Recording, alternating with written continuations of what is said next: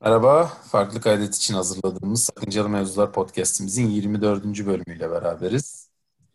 Ee, ben Özgün, Hakan ve Görkem bizimle. Nasılsınız? İyiyiz efendim. Vallahi ben iyiyim.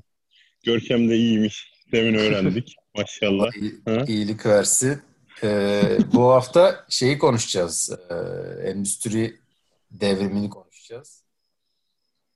Nasıl ele alacağımızı çok konuşmadık. Bir yerinden girer, e, bam güm konuşuruz. Ee, Vallahi şey, işte nereden istiyorsanız oradan Öz- ele alın. Bugün özlediğimiz- moderatörlük yapayım.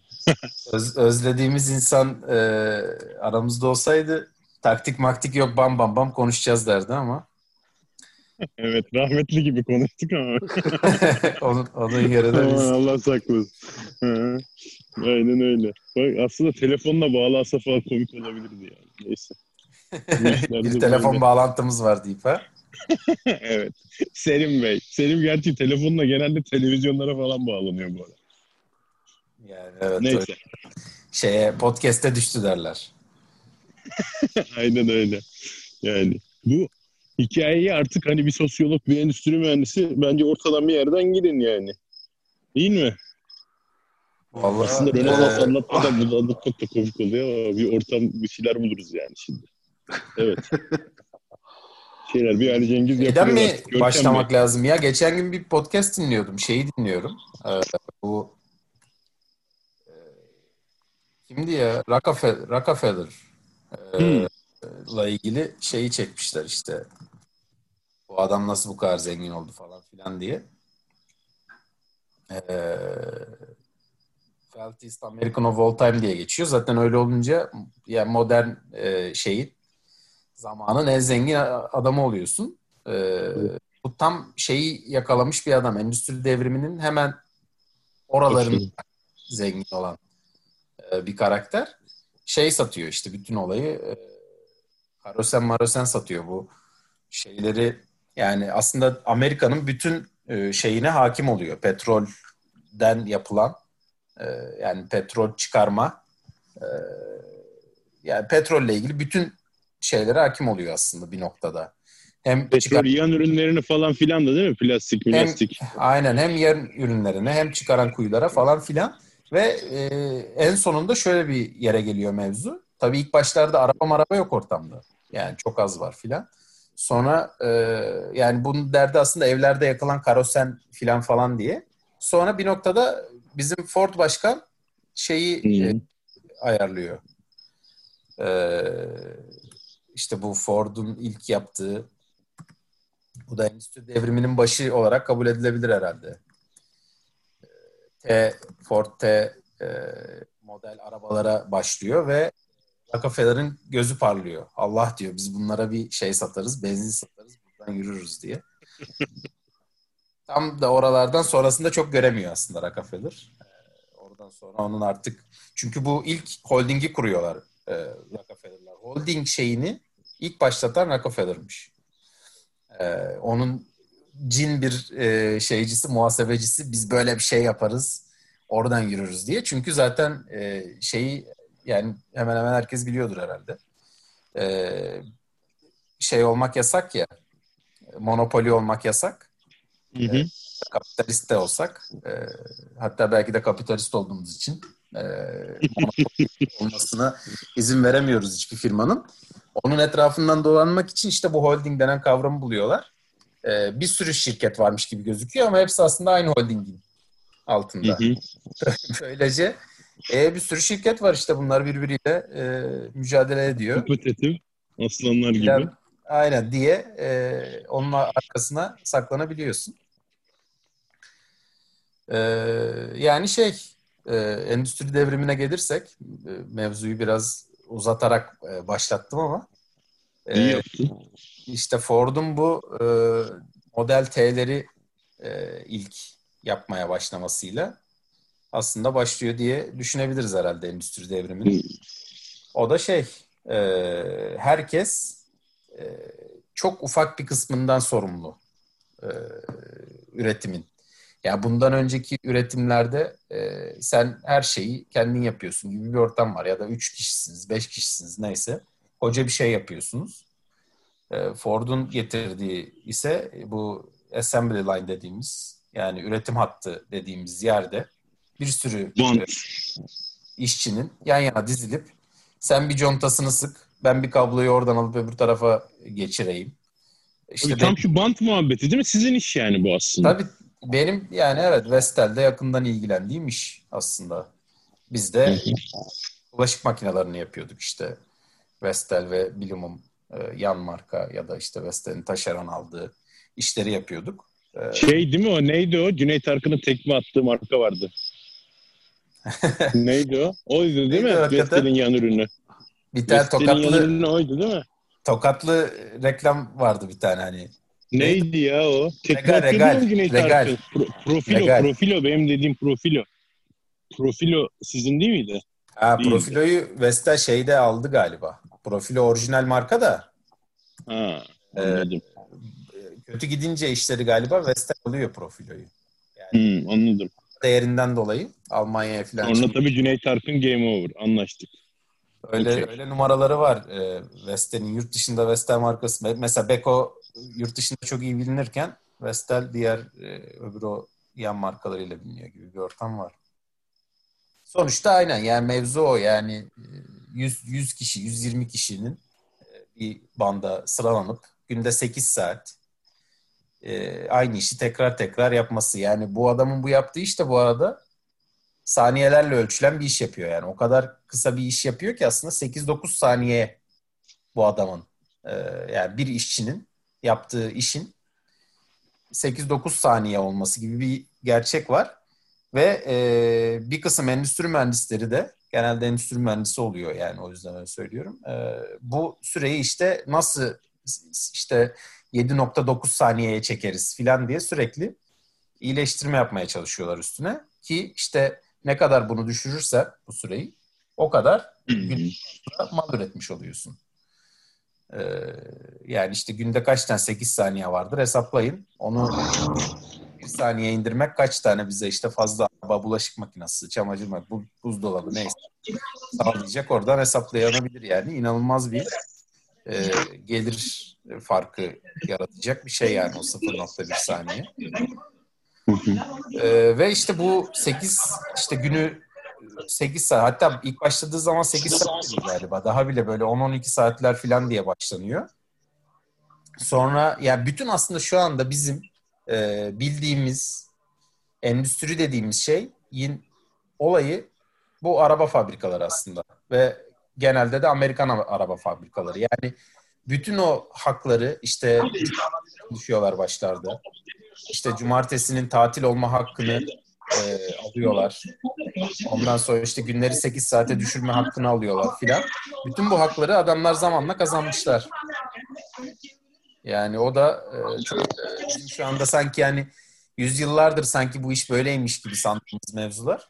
E, aslında araba fabrikası işçilerinin kazanımları yani ve adam adamların kazanımları bizim normalimiz oluyor yani. Böyle bir gerçek var. Vallahi değişik. Yani değişik derken hani bu kadar kısa zamanda bu kadar çok şeyin değiş yani değişmesi önce sonra da bu kadar uzun zamanda bu kadar çok şeyin aynı kalması gerçekten enteresan. Şu arada Aynen, yani özellikle bu- bu pandemi sonrası. Ha, evet abi. Bas, E, bu arada oku- ha. 1908 yani şeyin e, bu model T ilk başladığı. İşte Rockefeller 70 yaşında o zaman. Yani e, 1908 yani işte 100, 100 sene olmuş yani Epitop. O kadarlık bir zamandan bahsediyoruz yani. Ve işte bu e, yani şeye de gelirse işte bu 8 saatlik bu adamların burada çalışıyor olma gereksinimi de e, bu arada tabii kadınların da iş gücüne girmesini büyük ölçüde sağlıyor bu mevzu. Ve e, kadın da iş gücüne girince e, aileler de iyice çekirdek olmaya başlayınca e, çocuk olacak sorusu ortaya çıkıyor.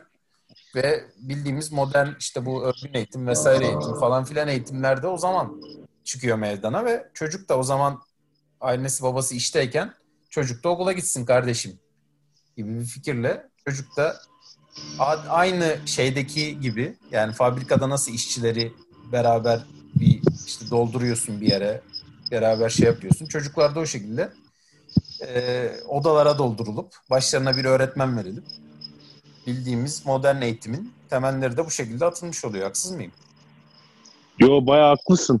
Yani hatta bu işte yaz tatillerinin vesairelerin falan da genelde hani işte bu Kuzey Yarımküre'de özellikle hani yazın e, niteliksiz insan gücüne ihtiyacı olmasından kaynaklandığını hani 3-4 ay daha ziyade işte böyle Yani tarım related Tarım için yerlerde. toplamaya gidecekler değil mi? O yüzden Tabii tabii, tabii o bayağı zaman ya çocuklar bunlar da çalışabiliyor.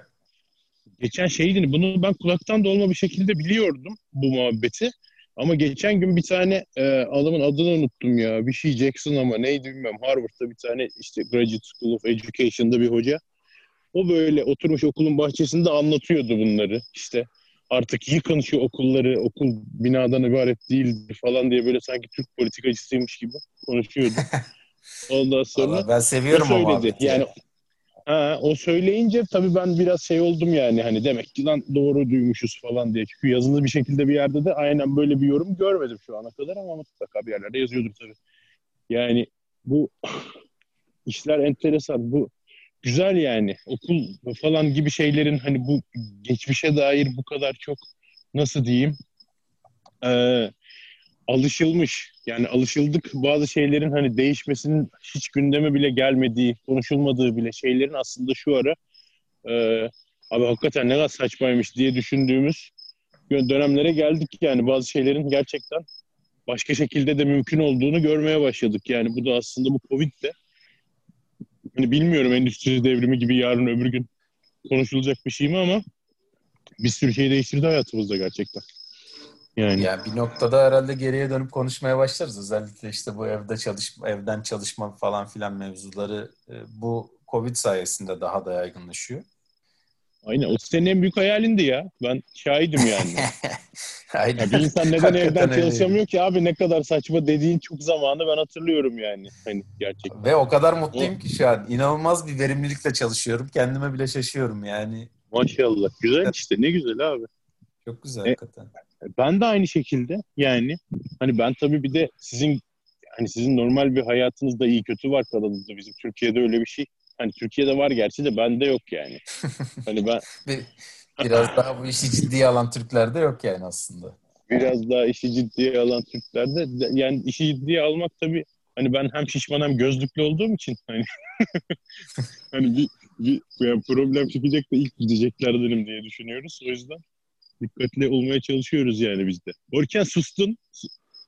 Yok ben seni sırayla gidelim. Söz sen moderatör sensin böyle bölmeyeyim milletin lafını diye. Ha, Vay yok. hocam. Ama şey ya adam Saygıdaki aldı sıra. endüstri devrimini bitirdi. Ya ondan sonra şey, Yok. endüstri, endüstri 4.0'a geldi. Sen daha emperyal güçlerden bahsetmedin. Ha? Hani oğlum hani James Watt nerede kaldı?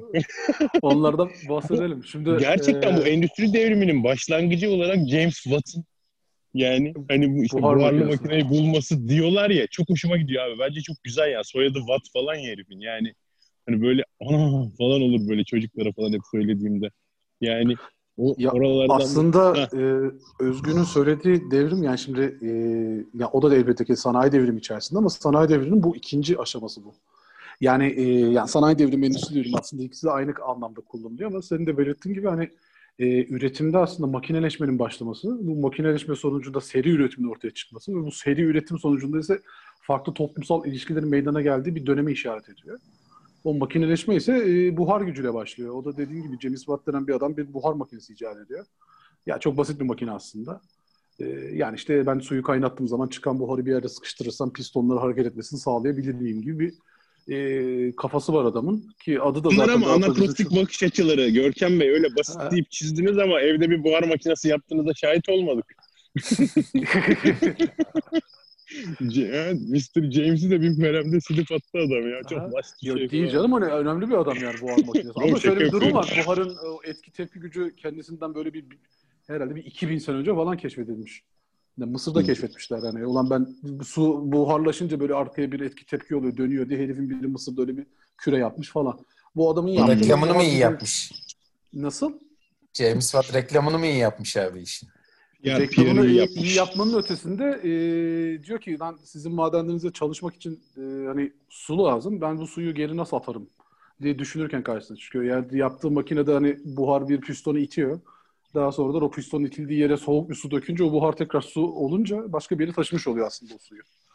Ve hani daha böyle ev tipi ekonomi dönerken bir anda hani özellikle bu dokuma fabrikalarında İngiltere'de hani buharla çalışan bir makine olursa daha sık dokuyabiliriz ve daha sık e, işte o pamuklar daha sık böyle kolay ipliğe dönüşür gibi bir e, kafası var ve bunun hani e, hani artık insanın o kas gücünden çıkarak bir makinenin gücüyle çalışmaya başlıyor olması hani o ev tipi üretimden de böyle ilk fabrikaların kurulmasına geliyor. Zaten ilk İngiltere'de başlıyor yani sanayi devrimi.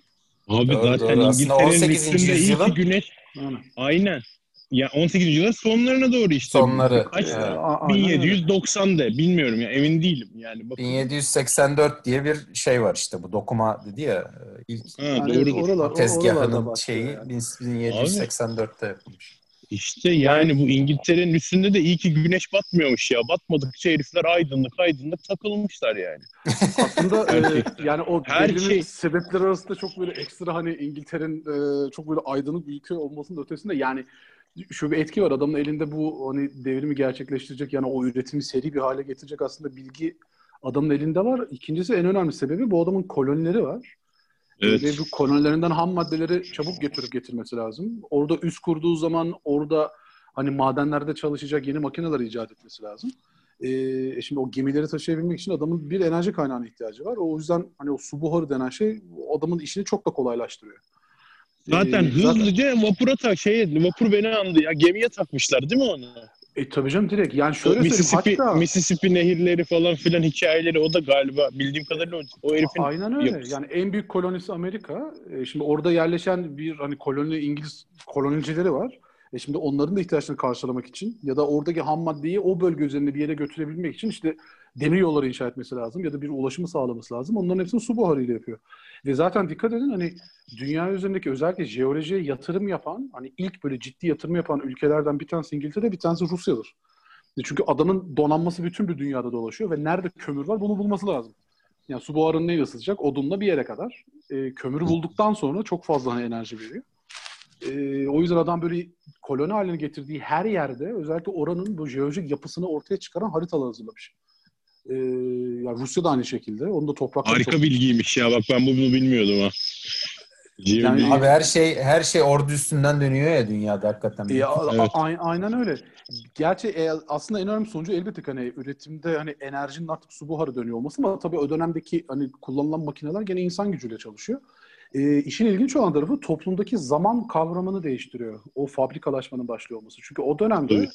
İngiltere'deki insanların hani zaman kavramları işte güneşin doğduğu vakit, batmaya yakın olduğu vakit, işte çanın çaldığı vakit gibiyken artık yavaş yavaş hani saat üzerinden çalışma, işte iş disiplini, e, işte ne bileyim tatil günü gibi kavramlar ortaya çıkmaya başlıyor. Hatta o dönemdeki ilk fabrikalarda işçilerin fabrika gelirken kendi saatlerini getirmeleri yasakmış. Herkesin böyle görebileceği bir saat asılıyor. İşverenin söylediği saatte gidip işverenin söylediği saatte çıkacaksın oradan. Ve insanlar bir anda mesela işte hani horoz öttüğü zaman sabah oluyor derken saat 6 olduğu zaman sabah oluyor demeye başlıyorlar. Yani ülkece o dönemdeki ilk öyle meydanlardaki büyük saatlerin yapılması da aslında o döneme e, denk geliyor aslında. Ve hani o fabrikaların etrafında işçileri 20 saat falan çalıştırıyorlar tabii o dönemde. Ee, yani işçiler bunlar kırsal taraftan gelmiş hani kentleşmeye doğru giden bir göç var tabii orada. Ee, bunlara bir iş disiplini kazandırmak lazım. Ve bunu kazandırabilmek için e, ne kadar böyle çoluk çocuk yaşlı varsa bunları en olmadık koşullarda buralarda çalıştırıyorlar.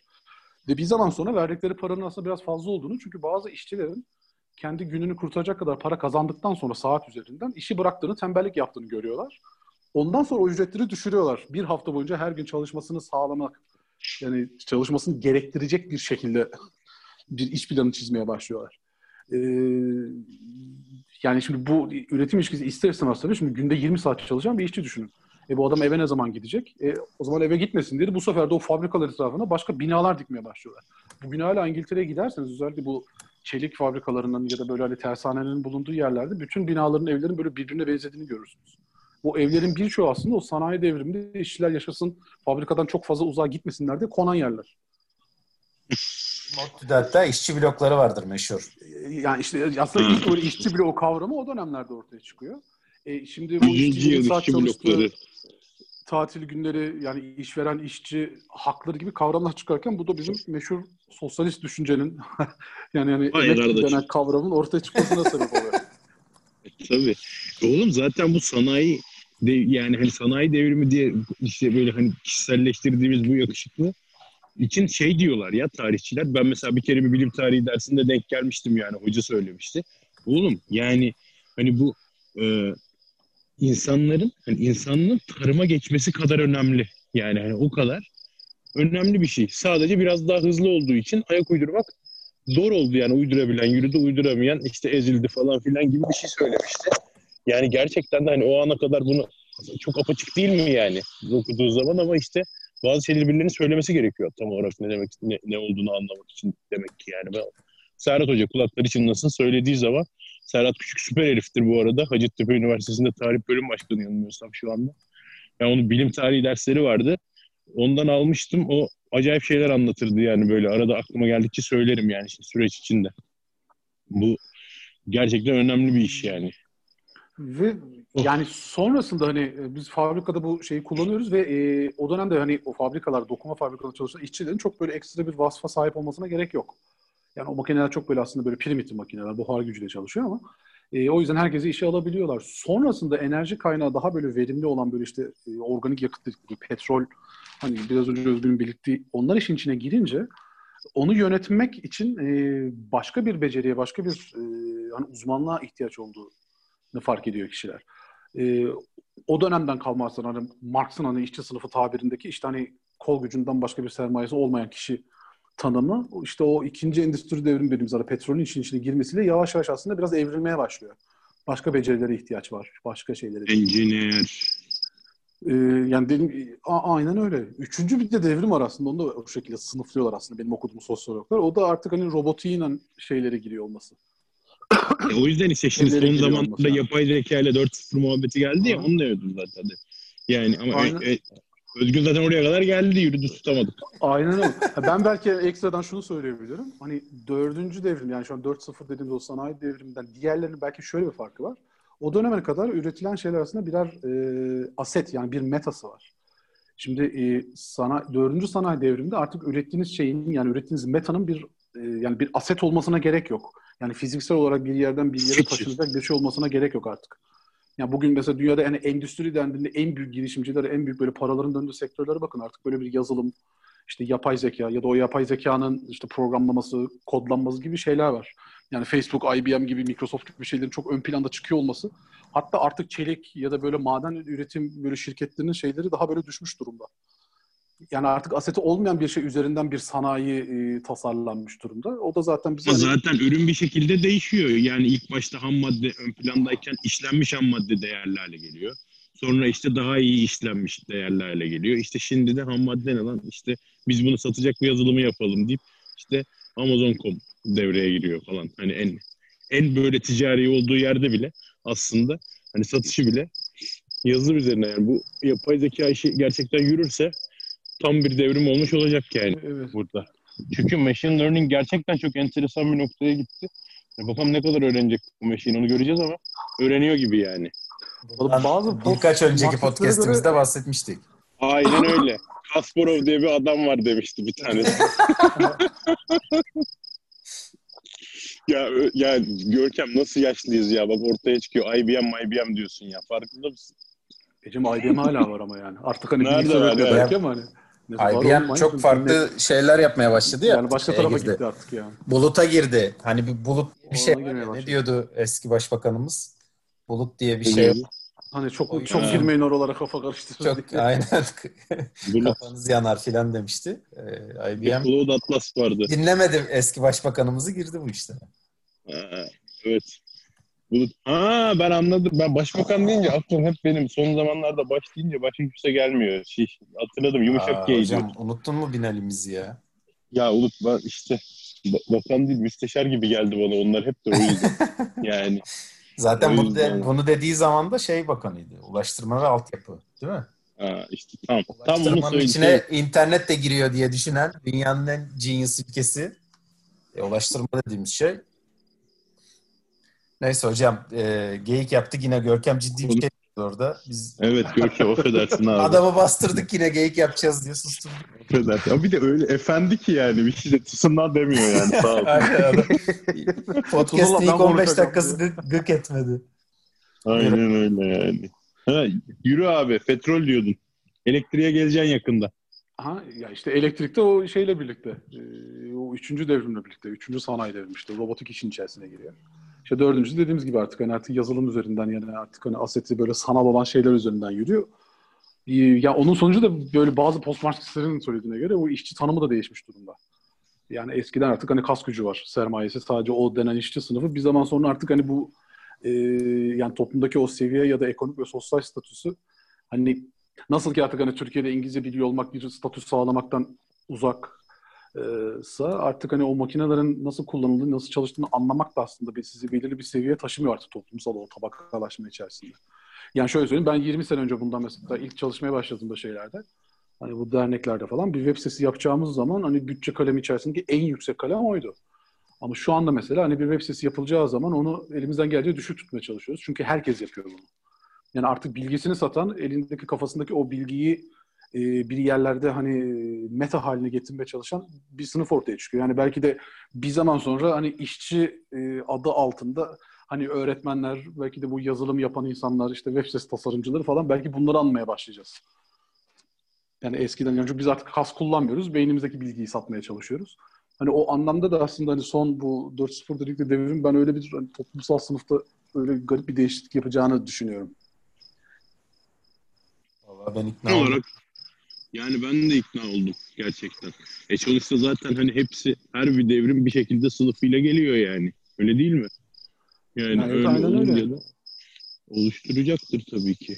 Yani bir de şimdi çağ tam şey oldu ya yani hani çocukları da yani mesela eğitimde de aynı hikayeler var. Yani hani ona hazırlamaya çalışıyor herkes falan. Hani tabii ne kadar hazırlayabiliyor tartışılır belki ama yani herkes onu hazırlamaya çalışıyor. Herkesin çocuğu işte yaratıcı olsun, işte lider olsun. Ondan sonra hani işte science'dan bilsin. İşte tam şey yani eski Harvard şey düsturu, well-rounded insan yetiştirmek diye bir hikayesi vardı ya böyle tam böyle hani bir şeyden bir şeyin her şeyini bilsin, her şeyin bir şeyini bilsin gibi bir hikayemiz var yani. Gerçekten herkes her bokun Maradona'sı olmaya çalışıyor ama bir noktadan da ciddi ciddi yani bazı şeyler de gelişiyor. Nasıl olacak bilmiyorum yani. Biz de herhalde biz geçen gün öyle şey diyordu.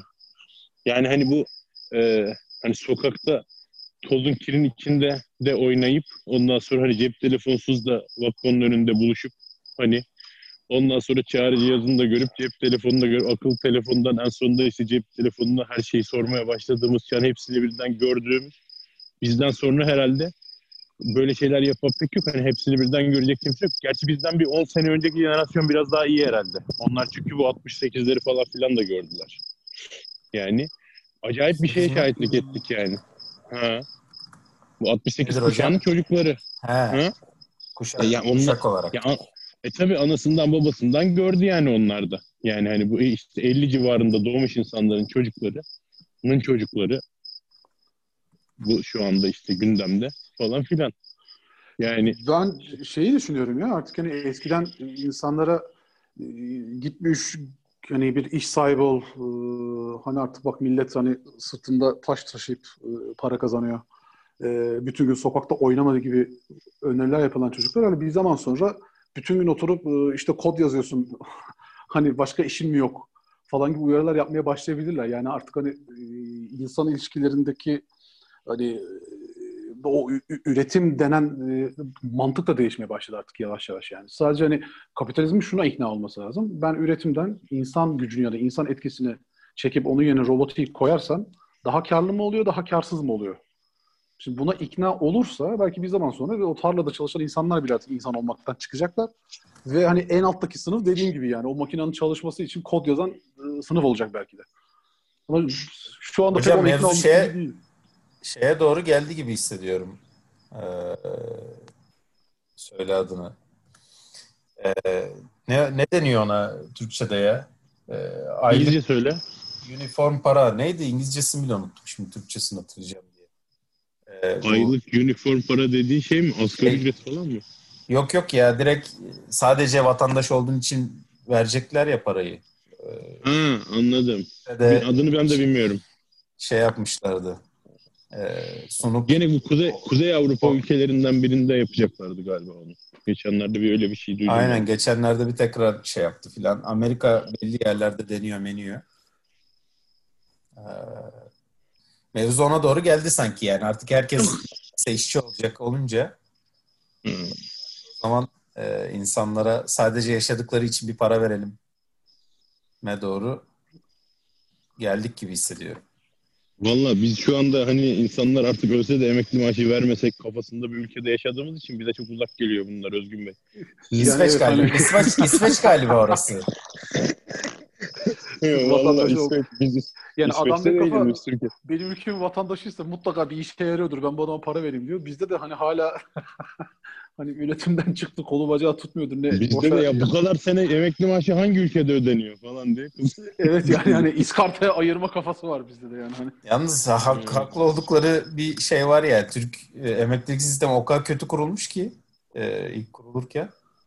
Yani hiçbir yerde olmayan şeyler verilince e, onun tabii sıkıntıları şimdi yaşanmaya başlıyor. Daha da yaşanacak muhtemelen. E tabi ama Ya- devletin elini Emekli olan güçlendirmek insan de... olursa Ne o? 40 yaşında emekli olursa bir insan e, Yani, çalıştığı ondan daha fazlasını emekli olarak geçirirse senin bir devlet olarak bunu finanse etmen çok zor. Yani genç nüfusun harıl harıl iş gücüne girerken filan belki idare ediyordun maçı da en ufak bir ayağın kaydığı zaman sıkıntıdasın yani. Tabii bizim Orta Doğu'da da biliyorsunuz zemin kaygan yani ayak sürekli kayıyor Kay- kayar tabii. buralar. Yani çok Bizim- şaşırtıcı. Oğlum biz kaç yaşındayız kaç kriz gördük yani düşünsenize. Yani gerçekten. E, hakikaten ha, ben dönemde yani mesela 2001 krizinin etkileri dedi ya Albayrak en son. Hani üretimde ve şeydeki iyiydi ya, 2001 hakikaten. krizi. Ya ben 2001 krizini hatırlıyorum ve hani nasıl bir alakası var şimdi bu zamanda yaşadığımız krizle falan gibi yani hani adam E, abi falan onlardan önceki yani. onlardan önceki kriz oydu çünkü. O yüzden yani evet hani o, o- onu söylüyor adam. onun aklı ona gitmiş. Hay şey falan diyecek işte Osmanlı'ya matbaa geç geldi ya onun etkilerini hala yaşıyoruz falan diyecek herhalde bir sonraki konuşmasında o oraya gidecek herhalde iş yani hani bilgi yayınmıyor henüz tabii matbaa geç gelince bize böyle oldu falan demeye de başlayabilir yani hani Onu da, onu yani da Tür- Türkiye bu şey, aslında şeyi gösteriyor işte Tür- Türkiye bu bahsettiğimiz bu yeni sanayi devrimine hazır olmadığı yani hani yarın bir gün yani düşünsene şimdi ülkenin yarısından fazla hayatında ilk defa lan biz bu işi acaba internetten sanal bir program kullanıp yapabilir miyiz? ilk defa gördü. Hani belki bunun 10 sene öncesinde Avrupa'da belki bunlar yapılıyordu bile yani. Yani uzaktan öğrenme, işte online eğitim bilmem nesi, işte mesajlaşma falan filan diye. Biz hani bunu hani pandemi sayesinde öğrendik yani. Hani lan bu da Abi yapılabiliyor. çok kısıtlıydı ya. Yani bu işin çok gelişmiş olduğu yerde bile bu işler çok kısıtlıydı yani öyle diyeyim. Bu çünkü şey durumu var. Yani hani ailede de var, çocukta da var, daha ziyade ailede var. Yani hani çocuk bir okula gitsin etli kanlı canlı muhabbeti var. Hatta burada senelerdir şeyin muhabbeti dönüyor işte. Hani bu akıllı telefonlarla, tabletlerle eğitim yapıyorsunuz. Hani bu şey muhabbeti var ya. işte Türkiye'de falan da bu çok revaçta işte sistemler, sistem pluslar, ağlar bilmem neler falan hani bunlar çok faydalı mantık olarak ama uygulamada öyle şeyler olmuyor. İşte siz bunları veriyorsunuz çocukların eline çocuklar burada oyun oynuyor falan filan diyenlere de ya oyun da geliştirici bir şeydir diyen de insanlar var tabii ki mantıklı olarak ama şöyle de bir durum var. Bir sürü insanda işte ya bu bütün CEO'ların bilmem nelerin çocukları kara tahtada şey yapan işte cep telefonu saat, dijital saat bile olmayan okullarda okuyor falan filan diye hava atan da bir sürü şey var yani eğitim var. Yani hani o yüzden çok böyle hani şeyden de bağımsız. Yani hani eğitim seviyesinden işte ne bileyim işte ekonomik, sosyoekonomik durumdan vesaireden falan da bağımsız bir şekilde genel bir tendency var yani insanlarda. Ya abi öğretmen çocuğu bir başına bir okşayacak falan gibi.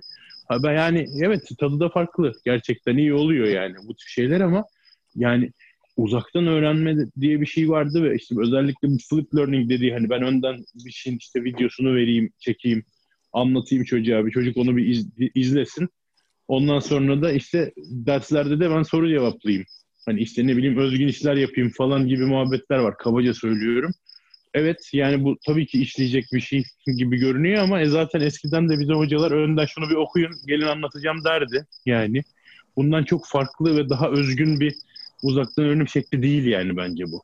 Hani canlı dersleri çok gömüyorlar bu sıralar genel olarak ama yani e, bu işin doğrusunu vurtutla öğreneceğiz ve eskiden de şu anda da hani üniversite seviyesinde biraz uzaktan eğitim muhabbeti başlamıştı. Onun dışında çok fazla böyle şeyler yoktu yani. yani. Türkiye'de de bir sürü üniversitede özellikle Türk dili dersleri, inkılap tarihi dersleri zorunlu yani yok dersleri diye adlandırdığımız dersler tamamen online şekilde verilmeye başlamıştı son 4-5 senedir. Ama hani bunların liselerde, ilkokullarda falan uygulaması hani dünyada da çok fazla yoktu yani. Hep münferit örneklerdi yani. Hani herkes bunlara Covid'le geçti. Anlatabildim mi? Şey, yani bu eğitim teknolojileri falan filan diye kendini isimlendiren insanlar var. İşte özellikle bu bilgisayar öğretim teknolojisi bölümlerinden mezun olan öğretmenler. Bunlar çok güzel işler de yapıyorlar gerçekten. Ee, yani bu insanlar tabii bas bas bağırıyordu yani bu işleri böyle uzaktan da yaparız, öyle de yaparız, şöyle güzel yaparız falan filan diye. Yani yapabilenlerin de olduğunu bu süreçte gördük. Yani çok büyük bir kısmı false çıktı ama yani gerçekten hani teorik olarak bunun yapılabileceği değil, pratikte de aslanlar gibi yapılabileceğini gösteren çok fazla hoca oldu.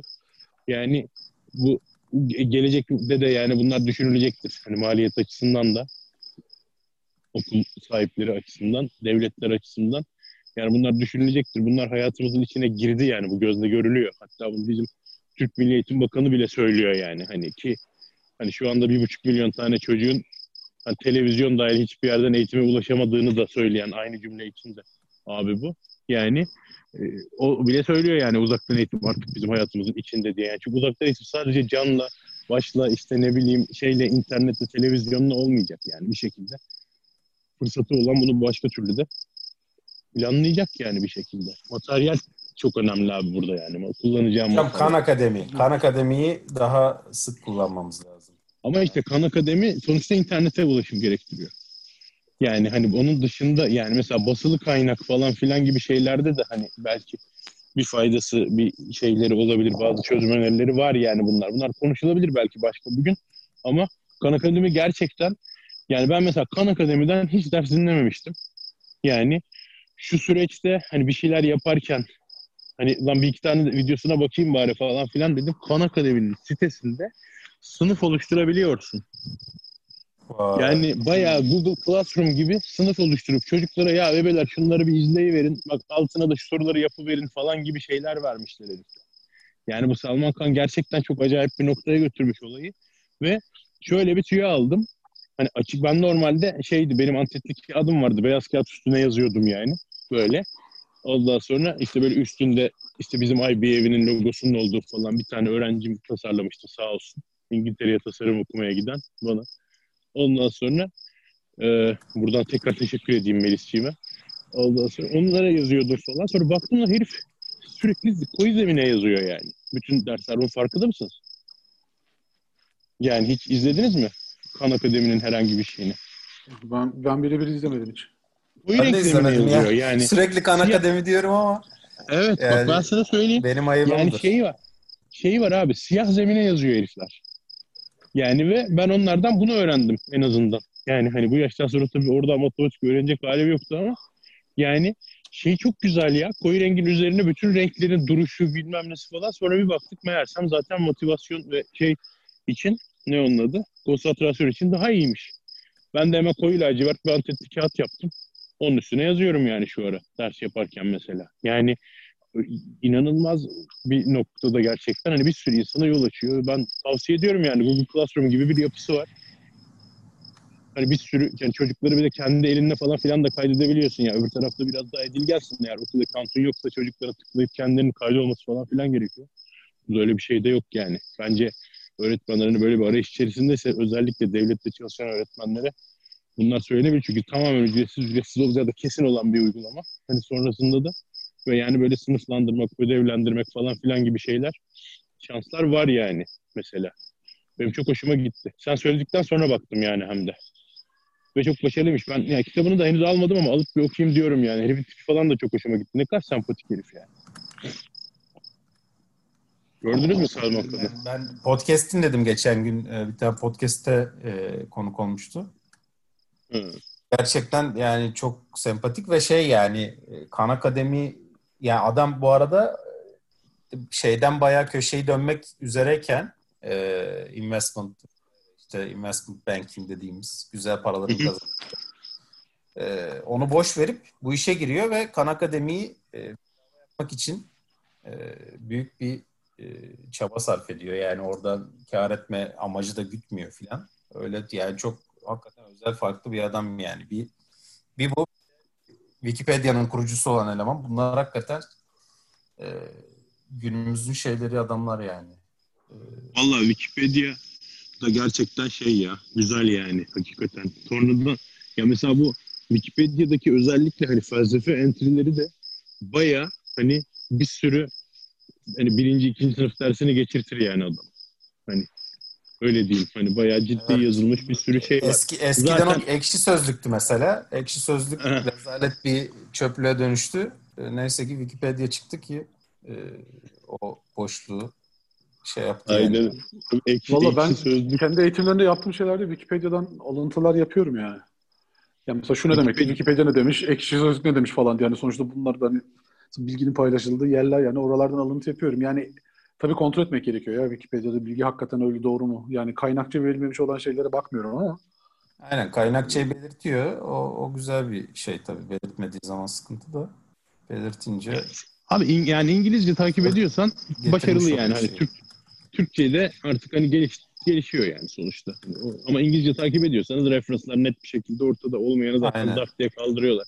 Yani o anlamda en İngilizce kısmı gayet gelişmiş. Ben muhtemelen tahmin ediyorum ki Fransızca ve İspanyolca da öyledir. Hani ben çok emin değilim ama hani tabii ikisini de bilmediğim için doğru dürüst. Hani Fransızca entry okumuyorum yani hiç. İspanyolca da hiç bilmiyorum. Ondan sonra muhtemelen onlar da öyledir diye düşünüyorum. Bu arada hazır işte hani böyle hani felsefe felsefede konuşuyoruz falan filan diye hani şunu da aklıma gelmişken söylemeden etmeyeyim mi? O plato.stanford.edu diye bir hani fe- felsefe ansiklopedisi de var internet üzerinde ve bu da e, ya tamamen ücretsiz erişim mis gibi bir şey ve yani çok ciddi hani mesela Plato Stanford Edu'da benim entrim var artık falan filan diye profesörler falan hava atıyor. O kadar da ciddi bir iş. Yani hatta akademik yayın yani olarak görülüyor diyeyim size. Yani mesela atıyorum Philosophy of Mathematics yazdığınız zaman oraya hani matematik felsefesinin ana akım her şeyi, onların işte içerisindeki her şeyi, o su, bu su işte temel kavramları, yaklaşımların tümü falan filan şeklinde çok güzel bir şekilde klasifiye edilmiş. Aslanlar gibi bir ansiklopedi de var yani bu bağlamda. O mesela merak edilen şeyler hani biraz belki evet hani yani normal nasıl diyeyim e, ev kullanıcısına hitap etmiyor olabilir ilk başta ama hani biraz okuma yapıldı mı hemen alışılabilecek akademik yayınlar var yani içinde. Onu da tavsiye etmiş olalım böylece. Hani eğer bilmeyen varsa tabii felsefe podcast dinleyip de Plato Stanford Edu'yu da herhalde bilmeyen çoktur Hmm. diye düşünüyorum yani. Böyle. E, endüstri diyorduk ama Valla 40 Valla 45 ben- dakika olduk herhalde. Var mı Bir daha? Valla ben şunu söyleyebilirim. Devrimle ilgili hani o dönem hani bu bahsettiğim sanayi devriminin başladığı ilk dönemler neye benziyordu? Anlayanlar hani böyle bir sosyolog ya da böyle bir hani e, böyle tarihçilik kitabından öte ben e, Emile Zola'nın Germinal kitabını tavsiye ederim. O dönem neye benziyordu? Daha böyle mikro ölçekte o dönemdeki üretim nasıl, işçiler ne haldeler, nasıl bir mücadele geçmiş. Yani bugün hala mücadelesini verdiğimiz hak dediğimiz kavram nasıl doğmuş?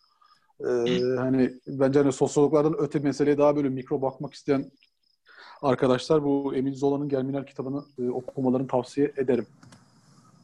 Kapitali tavsiye etmiyor musun? Nasıl? Kapital, Das Kapital.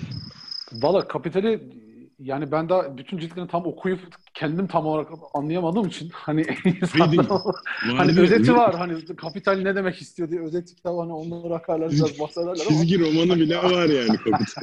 var ama hani ben kendim orijinalini okuyup yani falan deyip hani tam olarak ben kendim daha tam olarak anlayamadığım için hani o yüzden onu çok tavsiye tavsiye edip, açıkçası. tavsiye edip etmeyeceğimden emin değilim belki diyorsun. ilginç bir e, girişim olarak şu olabilir belki.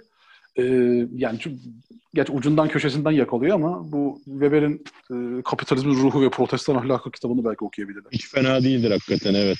Yani, Yani İngiltere'deki Weber- o protestan kafanın o devrime göre üretime nasıl bir etkisi oldu olmadı falan. Hani onu belki biraz farklı bir bakış açısı çok eleştirilen bir kitaptır ama işte hani çok çalışıyor olmak ve bir şeyler elde ediyor olmak aslında seçilmiş insan olmaktır kafası. Ya ben çok ilginç bulmuştum onu. Hani meselenin biraz o tarafına bakmak e, o okunabilir. E, bir de son dönemlerde özellikle bu sanayi devriminin aslında e, tam ismini hatırlamıyorum. Clark'tı abi o adamın ismi. Ya ben internetteki bir makalede okudum yani. Bu adam yeni bir herif. Bu 2000'li yıllarda falan yazdı bunu. anlamadım ben. Ee, nasıl? Anlamadım ben. Ha, devam et belki Yani çıkarttım. Clark, Anlamadım ya. Clark diye bir adam e, yani tam adını hatırlamadım. E, aslında bu üretimdeki kötü çalışma koşullarının hani bizdeki böyle bakanların hani insanları böyle üretim e, motivasyonundan uzak tutmamak lazım. O yüzden insanlara bu kadar rahat bir hayat tarzını sağlamıyoruz kafası var ya. Bu adam aslında bunun Hı. sanayi devrimi sırasında üretimi çok böyle hızlandırmasından ötürü. Yani işçiler o dönem 20 saat çalışmıyor olsalardı. Hani 8-9 yaşında çocuklar bile fabrikaya girmemiş olsalardı hani o kadar ürün ortaya çıkmazdı. Kafasıyla hani meselenin aslında hani o kötü şartların aslında iyi bir şeyler oluşturduğunu anlatmaya çalışan böyle biraz hani işveren tarafından bir yaklaşımla anlatmış aslında bu sanayi devrimini. Hani bana ilginç gelmişti. Yani sonuçta hani her yere sanayi devrimi yazdığınızda Olabilir. yazacak olan şeyler Benim benim kulağa bir rol geldi ama tabii dinlemek de lazım yani. ya öyle bir bakış açısı var aslında. Bir Hani kulak vermek lazım tabii. Değişik bakış açıları her zaman iyidir. Her zaman productive'dir yani bence. Ben öyle düşünüyorum. Açıkçası. Yani valla helal olsun. Değişik bir şey. Ya ben bilmiyorum. Hiç duymamıştım yani. Adamın adını da duymadım. Bu, böyle bir şey de duymadım yani. Şu an bana bir, bir bakalım. Clark. Bakalım. Sen bulursan bir gönder. Olmadı biz de atarız Tamam. ya. Twitter'a falan bir yerlere. İlgi çekebilirim çünkü. Kim olduğunu merak ettim yani. Ne dediğini de tam olarak. Güzelmiş. Öyle işte. Ya endüstri mühendisi bey Öyle. Buyurun hocam. var mı bir emriniz, bir isteğiniz, bir arzunuz? Estağfurullah hocam. Valla bu podcast'ı sen e, genel geyikle geçirdin gibi oldu. Evet. Ben biraz öyle yap. E yani şimdi sizin yanınızda da ne söyleyeyim işte. Biriniz oradan yürüdünüz, öbürünüz oradan yürüdünüz. Ben de şimdi ne yapayım dedim yani. Hani gerçekten. Bu ama Aha. hani şey muhabbetleri gerçekten çok önemli. Yani hani işte bu her devrim sınıfıyla geliyor muhabbeti gerçekten güzel yani. Hani onu da konuştunuz zaten. Ne diyeyim? Gerçi sen de Ha, bunlar. şey getir, getirdin. Ee, ne dedi? Çekirgeleri getirdin e, bize. O açıdan Vallahi. oldu ya. Hoş bir arka plan yarattın yani. bahsettiğim adamın adı zannediyorum Gregory Clark bu herif. Gregory. Adı Gregory ise iyi. Gregory yani adam Bakalım. İngiliz zaten. Eğitiminde böyle işte King's College, Cambridge, California Üniversitesi, Harvard falan yazıyor. Öyle bir öyle bir adam. Yani bunun bir makalesine denk gelmiştim. yani. Ya evet hani bunun böyle bir makalesine denk gelmiştim. Ee, herifin adam öyle bir şey yazıyor. Aslında çalışma, kötü çalışma koşulları buna da sebep oldu. Falan gibi böyle ilginç bir yerden bakmaya çalışmış herif sanayi devrimine. Ben bunu, bunu bir okuyalım. Farklı açılardan bakmak hakikaten Hakan'ın dediği gibi her zaman. Beyin kafa yani. Canım. Yani biz, biz mesela hani felsefeyi Plato'ya çakarak öğrendik yani mesela. En basiti. Başında sonuna kadar. Yani argümantasyon gerçekten çok önemli bir şey yani. Yani özü bu. O zaman herkese çok teşekkürler. Biz teşekkür ederiz efendim. Tekrar görüşmek Teşekkür üzere. ederiz Allah efendim. sağ olun. Bir dahaki sefer ne konuşacağımızı konuşmadık ama artık onu da WhatsApp gruplarında mı konuşalım? Onu, evet onu orada hallederiz ya. Tamam o zaman. O zaman herkese teşekkür ediyoruz. İyi geceler diliyoruz ya da iyi günler her neyse. Bizde gece oldu. Vallahi evet. Her nerede yaşıyor ve yaşatılıyorsanız e, Havanız nasıl olursa olsun sizin havanız iyi olsun. Aynen. iyi, hadi görüşmek üzere. Evet.